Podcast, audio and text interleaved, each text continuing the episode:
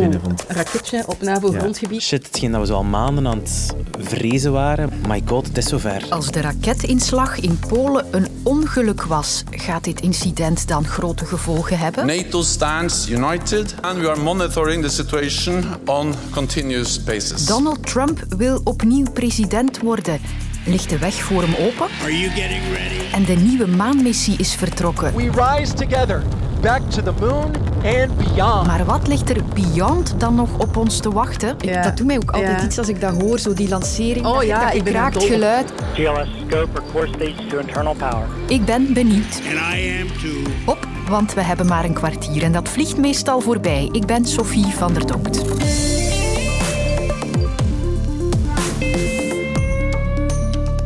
We beginnen met een fatale raket die insloeg in Polen, een buur van oorlogsland Oekraïne. En die heeft sinds gisteravond veel mensen overuren doen draaien hier. Ik zat in de zetel en ik zag de eerste berichten via sociale media binnenkomen dat er raketten in Polen zouden terecht zijn gekomen. Natuurlijk ja, zie je op sociale media heel snel mensen die de derde wereldoorlog verklaren. En ik hoor Hanne zeggen dat er een inslag is gebeurd in Polen. Een bericht dat net binnenloopt. Er is nog heel veel onduidelijkheid. En ik denk, oké, het spel zit op de wagen. Dan kan dat serieuze gevolgen hebben. Ik zag twee pushmeldingen binnenkomen rond 8 uur. En om 20 uur 18 rinkelde de telefoon, chef journaal Kathleen.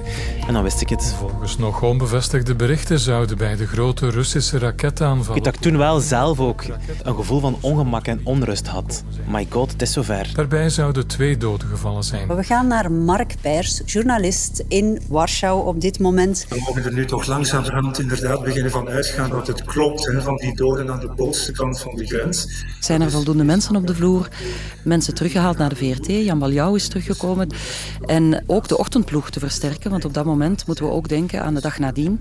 Dus mijn wekker ging vanmorgen om kwart over vier extra vroeg komen vandaag. Ik kwam hier binnen rond half zes. En eh, ja, toen was onder de collega's ook al wel duidelijk dat het minder erg was dan de avond voordien, hè, na de woorden van Biden. Ja, dat is hier een soort van ongelukkig accident geweest en iedereen probeert ook de rust te bewaren. De komende uren werd wel duidelijk dat er geen eh, escalatie ging gebeuren van de oorlog. Het is half zeven. Jasmina, kwestie van met de deur in huis te vallen. Eh, moeten we bang zijn voor een derde wereldoorlog? Ik kan je geruststellen, Sander. Nee. Ik was dan wel vrij snel opgelucht en ook blij dat ik dus moest werken. Ik stel mezelf ook graag gerust door mijn job. We zijn dus gisteravond vertrokken met er is mogelijk een Russische raket ontploft in Polen. En nu vanmiddag wordt er al vrij stellig gezegd dit was waarschijnlijk een tragisch ongeval met een Oekraïense raket die in Polen terechtgekomen is. Dag Laurien Krump. Hallo. U bent expert internationale betrekkingen aan de Universiteit in Utrecht. Ja, dat lijkt mij al een wereld van verschil tussen gisteravond en nu, hè? Ja, dat maakt een groot verschil uit, omdat het uh, gisteravond uh, opleek dat mogelijkerwijs artikel 4 of zelfs ook artikel 5 van de NAVO zouden worden ingeroepen. Dat betekent dat er eerst een spoedberaad komt omdat één uh, NAVO-lidstaat, in dit geval Polen, zich in zijn bestaan bedreigd voelt. En vervolgens betekent dat dat een aanval op één een aanval op alle zou zijn, namelijk dat er een oorlog zou komen tussen de NAVO en Rusland. Die beide scenario's zijn nu volledig van de baan. Dus dit gaat niet om een mogelijke oorlog tussen de NAVO en Rusland. Ja, de NAVO, dus het uh, militaire bondgenootschap, heeft vanmiddag ook al een briefing gegeven. But we have no indication that this was the result of a deliberate attack. Topman Stoltenberg hoorden we ook zeggen dat het geen Russische raket was. Dat is vrij geruststellend dan. Ja, dat is zeker geruststellend. Uh, hij zei dat het hoogstwaarschijnlijk Oekraïns uh, luchtafweergeschut was. En daarmee zegt hij eigenlijk hetzelfde als uh, de Poolse president Duda en ook de Amerikaanse president Joe Biden. Namelijk dat het buitengewoon onwaarschijnlijk is, hoewel het onderzoek nog loopt, dat de Russen hier iets mee te maken hadden. Is de lont daarmee al uit het kruidvat wat dit incident betreft, denkt u? Nou, grotendeels wel. Dus ik denk niet dat er nu nog een, een escalatie tussen de NAVO en uh, Rusland op tafel ligt. Anderzijds uh, speelt het natuurlijk wel Rusland in de kaart. Hè, want de Russen kunnen nu voor de binnenlandse propaganda zeggen... zie je nou wel dat er aan de westerse kant van alles verzonnen wordt. En is het dan dus toch nog een incident dat een zekere rol kan spelen in deze oorlog? Ja, het kan een zeker een zekere rol spelen. Dus het kan de betrekkingen met Rusland uh, verslechteren. Maar aan de andere kant kan het ook juist ten goede keren. Omdat er nu eigenlijk al hardop uh, wordt gezegd dat er Rusland er waarschijnlijk niks mee te maken heeft. Ook werd aan de Russische kant gewaardeerd dat vanaf het begin de Amerikaanse president Joe Biden al zei: We weten nog helemaal niet zeker dat het een Russische raket of een uit Rusland afkomstige raket was. En daarnaast zie je dat zowel de gelederen van de NAVO, maar ook de gelederen op de de G20-top in Bali zich behoorlijk eh, gesloten hebben. Dus het kan er ook weer toe leiden dat er een aantal dingen in beweging zijn gezet die aan de ene kant een opening bieden richting Rusland, maar die in aan de andere kant naar de Russen laat zien hoe gesloten de gelederen aan de westerse zijde zijn. Ja, de allereerste reacties waren misschien wat te snel en te onvoorzichtig, maar nu merk je toch dat iedereen wel op zijn hoede is. Je zou kunnen zeggen dat de reacties aanvankelijk wat onvoorzichtig waren, maar ik denk dat dit ook wel een leermoment is eh, binnen de NAVO en daarbuiten.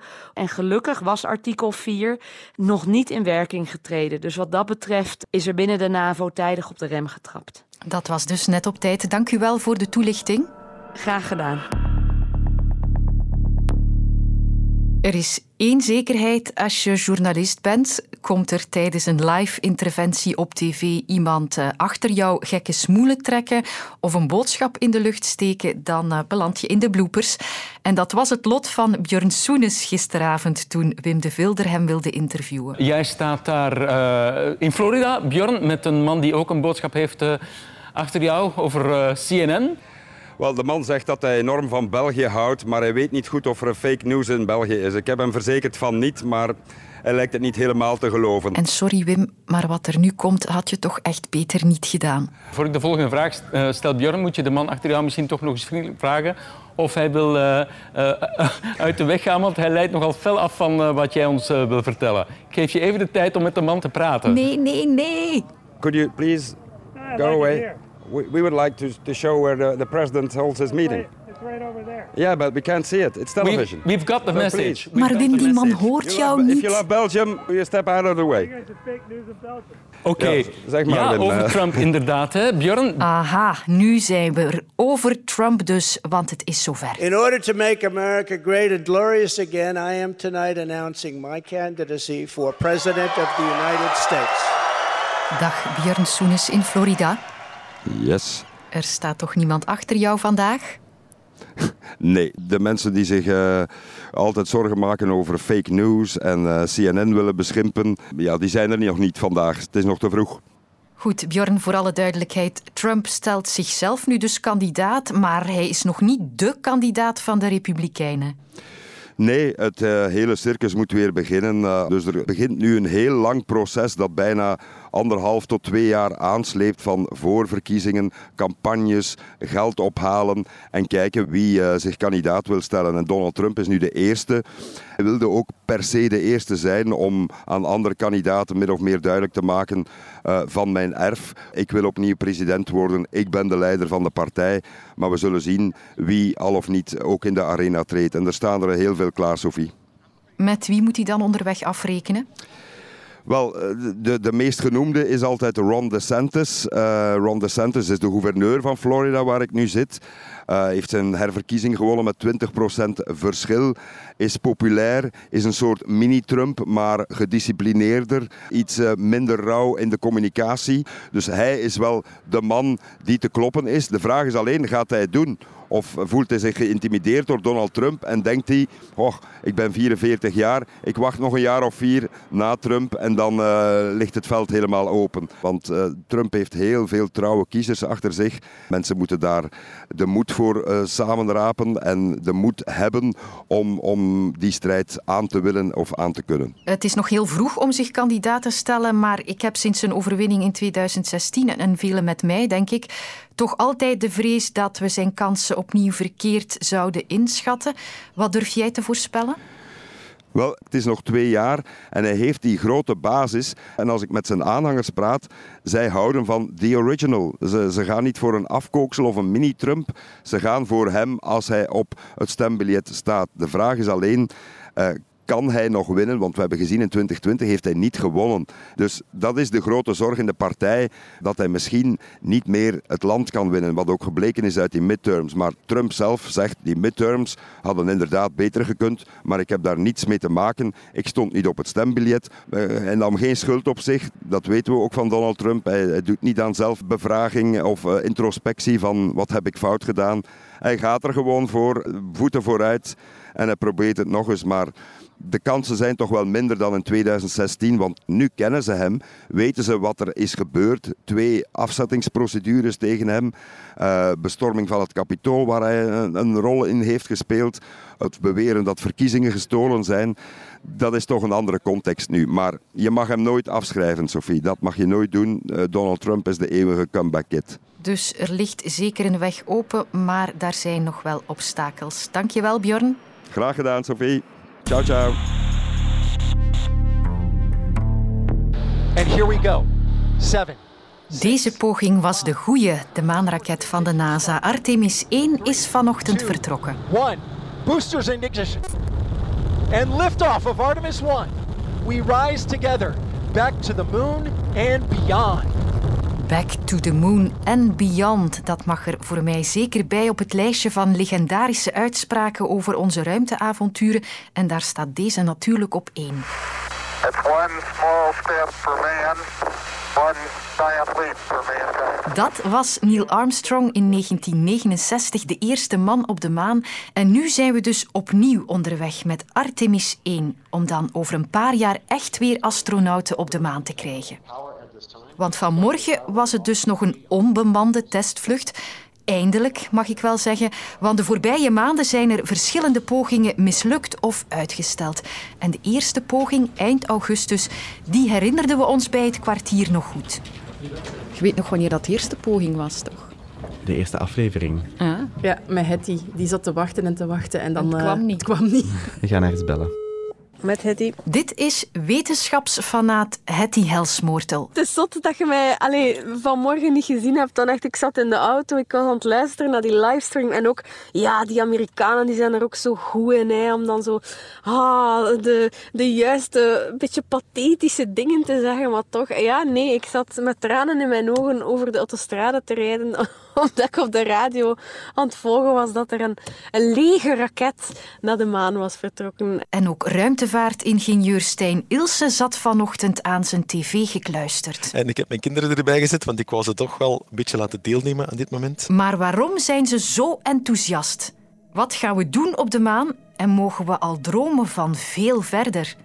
Wat gaan we daar doen? Ja, een, een stukje mijnbouw, een stukje artsen gaan ontginnen. Daar moeten we niet flauw over doen. Hè. Er zijn ook economische motieven voor die terugkeer. Maar ook heel veel wetenschap, heel veel onderzoek. Hè. Ze willen een permanente basis op de maan bouwen. Een beetje zoals dat we nu op Antarctica hebben. Er zijn heel veel belangrijke zaken op die Zuidpool van de maan te ontdekken. Zo is er bijvoorbeeld water in die kraters op die Zuidpool.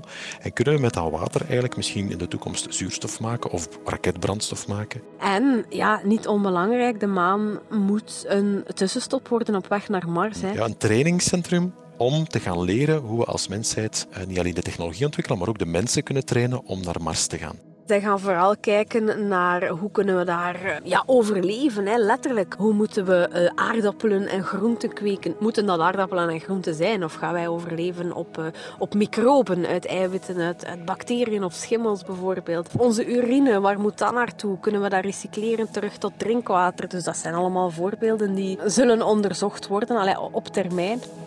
Als je dan verder kijkt van Mars, ja, dan spreek je over Venus, Mercurius, maar die zijn zo onbewoonbaar voor mensen dat dat bijzonder moeilijk wordt. Die zijn ofwel extreem koud ofwel extreem warm. En verder dan Mars heb je gasplaneten, ja, Saturnus, Jupiter. Daar kan je ook niet op wandelen. Dus binnen 10, 20 jaar reizen van op de aarde is er momenteel niks behalve Mars dat direct op het lijstje zal staan om, na, om naartoe te gaan.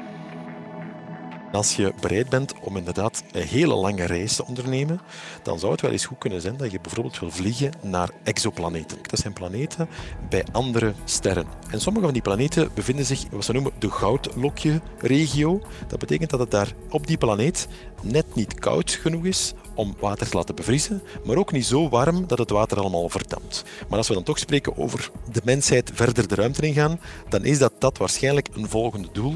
Maar zelfs met de allerbeste raket die we momenteel hebben, spreekt men over 10.000, 20.000 jaar om daar te geraken. Dus je hebt verschillende generaties die zichzelf moeten voorplanten om dan eigenlijk een uiteindelijke generatie te hebben die daar gaat landen. Daar zijn we nog zo ver vandaan. Dat gaat nog uh, ja, honderden jaren duren, denk ik. We mogen misschien al dromen van nog veel verder, maar laat ons eerst maar zien dat we die volgende paar jaar die stap naar de maan kunnen zetten en dat we daar heel goed kunnen oefenen, heel veel kunnen te weten komen, om dan die sprong te maken naar Mars en misschien wel naar veel verder. Mijn missie is hier en nu al volbracht, maar morgen een nieuwe lancering. Luister ook naar Win-Win, de podcast waarin Sven Pichal en Kathleen Kraanhals tips geven om slimmer met je geld om te gaan. Nu in de app van VRT Max.